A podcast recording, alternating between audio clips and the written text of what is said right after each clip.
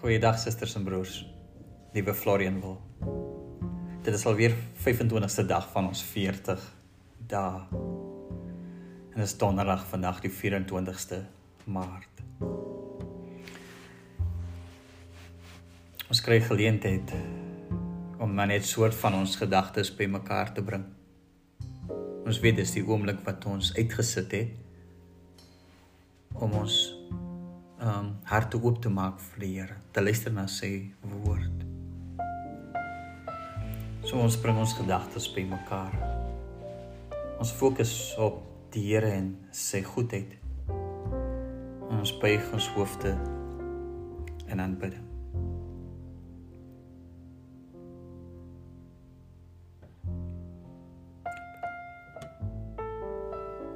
Liewe Here en Meester, Dankie vir die onderrig. Dag vir dag. Dankie Here dat soos U vir die disippels 'n rabbi was, so is U ook Here vir ons 'n leermeester. Want ons het bo alles Here nodig om gehelp te word, begelei te word. Doen dit vandag weer deur die Heilige Gees in Jesus naam. Amen. Psalm 14 vir die musiekleier van Dawid. Dwaase sê in hulle harte daar is geen God nie. Hulle tree gruwelik en afstootlik op. Daar's nie een wat goed doen nie. Die Here kyk vanuit die hemel na die mense om te sien of daar iemand is wat verstandig is, iemand wat God soek. Almal het afgedwaal. Saam het hulle ontaard. Daar's nie een wat goed doen nie, selfs nie een nie. Is almal wat onreg pleeg dan sonder insig? Hulle wat my volk eet soos 'n mens brood eet? Hulle roep die Here nie aan nie. Dan oorweldig skrik hulle, want God is met die regverdige geslag. Hulle wil die planne van die magtelose bespotlik maak. Maar die Here is sy skuilplek. Mag daar uit Sion redding kom vir Israel. Wanneer die Here die lot van sy volk omkeer, moet Jakob juig, moet Israel bly wees. Dis die woord van ons Here vandag. Gister toe ons stil staan by die woord van die Here, die episode uit Dawid se lewe was dit die verhaal van Nabal en sy vrou Abigail. 'n Mooi verhaal. Wonderlik hoe die Here deur skoonheid soveel verandering kan bring. En gister het ons geleer dat Nabal se naam beteken dwaas en dis ook sy karakter gewees. Hy was 'n dwaase man gewees. Nou Dawid skryf hierdie Psalm Ek dink as reaksie op sy ervaring met dwaase mense, maar dalk ook omdat hy dwaasheid ook in sy eie lewe ervaar het. En so skryf hy dus hierdie Psalm. Ek moet erken ons ook vandag aan ervaar elke dag die dwaasheid van mense elke dag tog. En dit is ook waar dat jy jouself soms vang dat jy ook dwaas optree net soos enige ander persoon. Dawid moes deur Abigail leer dat dit tog nie die moeite werd is om op te tree teenoor 'n dwaase persoon nie. Want die optrede raak eintlik dan ook maar net 'n dwaase optrede. Eerder moet jy jou aandag vestig op die doen van die wil van die Here. As ons dink en ek wil hier by ons laaste sin aansluit. As ons dink aan 'n dwaase mens, dink ons baie kere aan 'n idioot as ek dit so kan noem. Met ander woorde iemand wat soms onkundig en dom handel. Maar vanuit die perspektief van die Psalm of dan vanuit die perspektief van die Here is 'n dwaas iemand wat lewe sonder om na God te luister of wat weier om leiding van God te ontvang.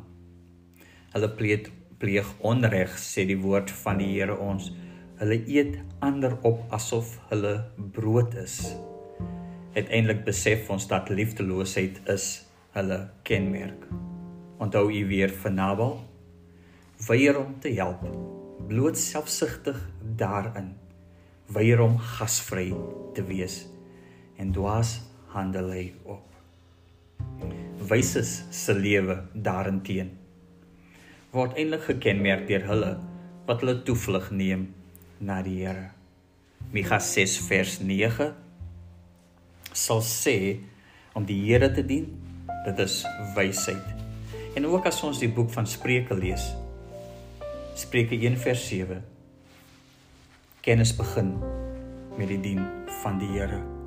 En daarom is wyse mense, mense wat luister na die Here en doen wat die Here vra. Dit is ware wyse mense. Ons kry bes baie dwaase mense in hierdie lewe. Maar ons moet egter nie te gou vinger wys na ander nie. Net vinnig dink of altyd dink dat dit ander is nie. Dwaasheid sê die psalmdigter is eintlik 'n algemene kenmerk van mense.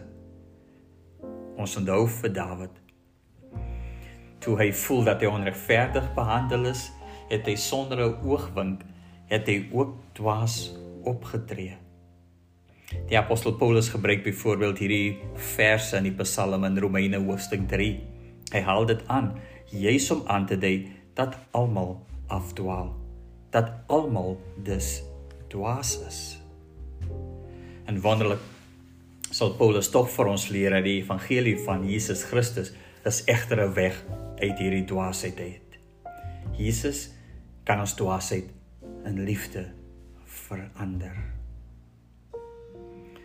En daarom aan die einde broers en susters is hierdie Psalm ook Dawid se bede om verlos te word van hierdie dwaasheid. En dat die Here sy lot sal verander sodat hy nooit meer so hoef en sal optree nie. Broers en susters, ons dink dis vir 'n oomblik na oor wat ons leer vanuit Psalm 14. Oor wat dwaasheid is en wat wysheid is. Meer as wat dit is dat mense soos idioote optree, gaan dit sê die psalmdigter en Dawid vir ons oor ons verhouding met die Here. Om te dink dis as ons nie bereid is om die Here te volg nie, is ons eintlik dwaas. Ons raak vir 'n wyle net so stil in ons praat met die Here daaroor.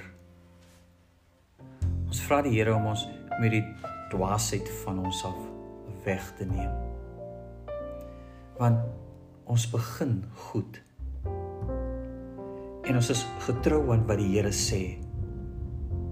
Maar op 'n dag en op 'n keer dan handel ons net soos wat ons wil. En kom ons vra die Here dat hy deur sy gees ons altyd moet bewaar daarvan.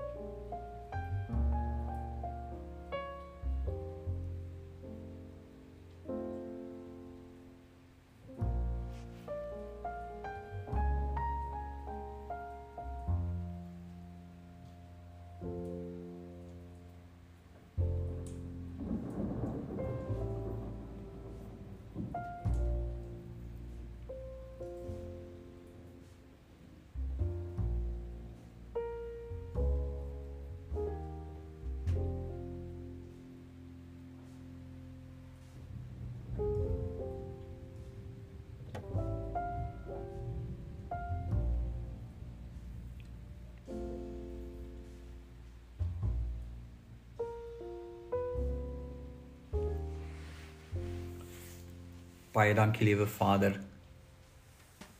Dankie Here dat U 'n plan gemaak het vir ons. Dat ons soms hier in soveel dwaasheid handel en optree.